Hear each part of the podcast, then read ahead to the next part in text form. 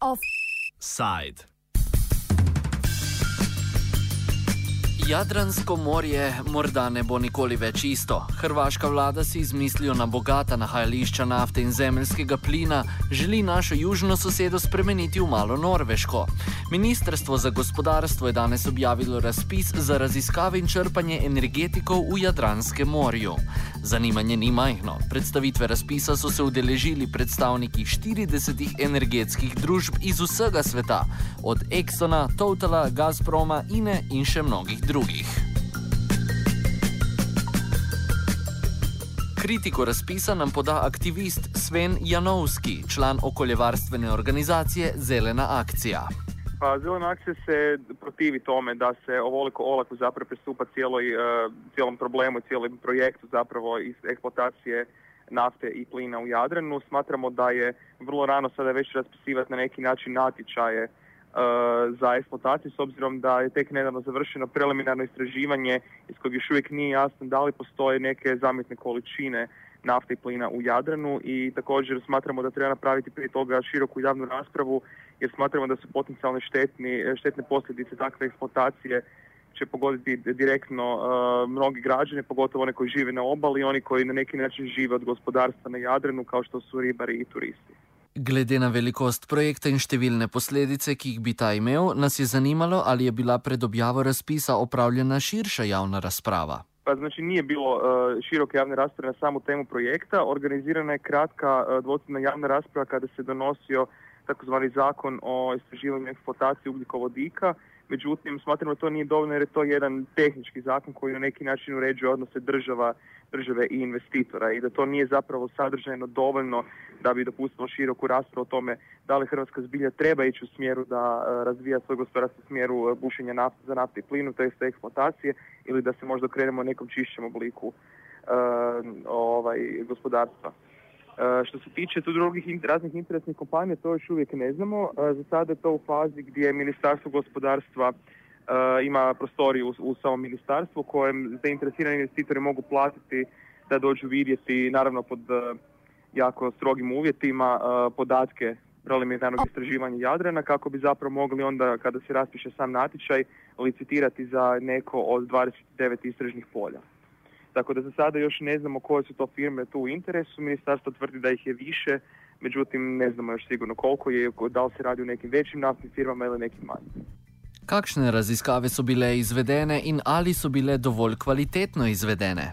Za sada se je radilo istraživanje na nekih 10.000 km, e, takozvano 2D seizmičko istraživanje koje bi e, određene, znači samo određeni dio Jadrana prikupilo. E, INA je imala također prije toga još starije podatke za oko 50.000 km Jadrana.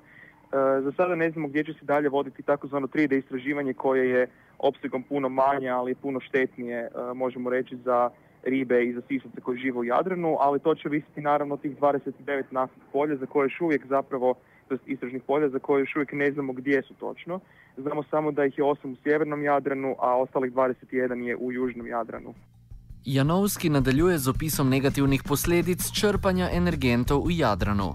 Smatramo da u najmanjem slučaju uh, će sam znači, naftne bušotine kada će postojati uh, uništiti krajolik E, Hrvatska jako visi o turizmu i to je oko 15% našeg BDP-a, vrlo, redo, vrlo redovito znači doprinosi nekakvom većoj, kao veća gospodarska grana, tako da će u najmanju ruku narušiti taj dio. Seizmičko istraživanje već sada zapravo imalo štetne e, posljedice na ribe i sisavce u Jadranskom moru. Ribari su to već primijetili jako dobro. A u najgorom slučaju može doći do izljeva nafte koji će vrlo brzo zapravo cijelu obalu Jadrana, možemo čak možda reći cijeli Jadran ugroziti zato što morske struje sa istočne strane Jadrana idu sa juga prema sjeveru, znači ako bude izljev nafte doće vrlo brzo morske struje po cijeloj obali Jadrana, čak gore iz sjevera i onda do Italije odvesti. Tako da posljedice koje bi mogle biti katastrofalne su vrlo moguće. Ekonomisti in gospodarstveniki so si enotni. Projekt je odličen. Drugi strokovnjaki so bolj pazljivi. To visi iz kojeg smjera. Iz Ministarstva gospodarstva e, stručnici su naravno svi jako optimistični i već najavljuju da je Hrvatska će biti mala Norveška, da su to neke vrlo velike količine koje su nađene, iako samo 2D istraživanje zapravo nikako ne može tvrditi o kolikim količinama nafte se radi. Ono može samo otprilike locirati koje su potencijalne lokacije za nekakvu eksploataciju. Znači, prerano je za bilo kakve špekulacije o tome koliko bi zapravo moglo biti nafte.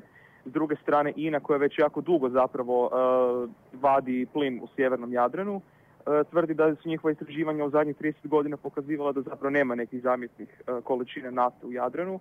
Isto tako tvrde i italijani sa njihove strane, znači da su oni radili istraživanje da se pokazalo da količina nafte na njihovoj strani je relativno mala i zapravo da je niske kvalitete, to je da bi trebalo jako puno ju rafinirati i jako se trudi da ju se izvadi da bi se dobila jako mala količina.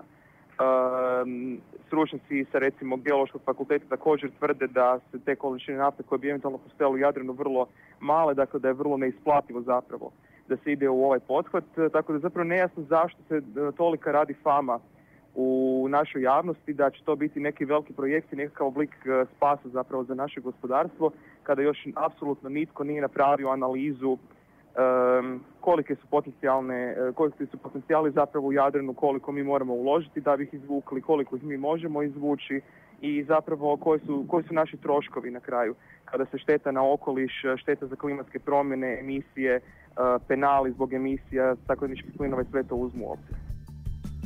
Glede na politiko izvršenih dejstev, ki jo vodi hrvaška vlada, nas je zanimalo, kako se hrvaška civilna družba povezuje in kako namerava v bodoče reagirati na projekt.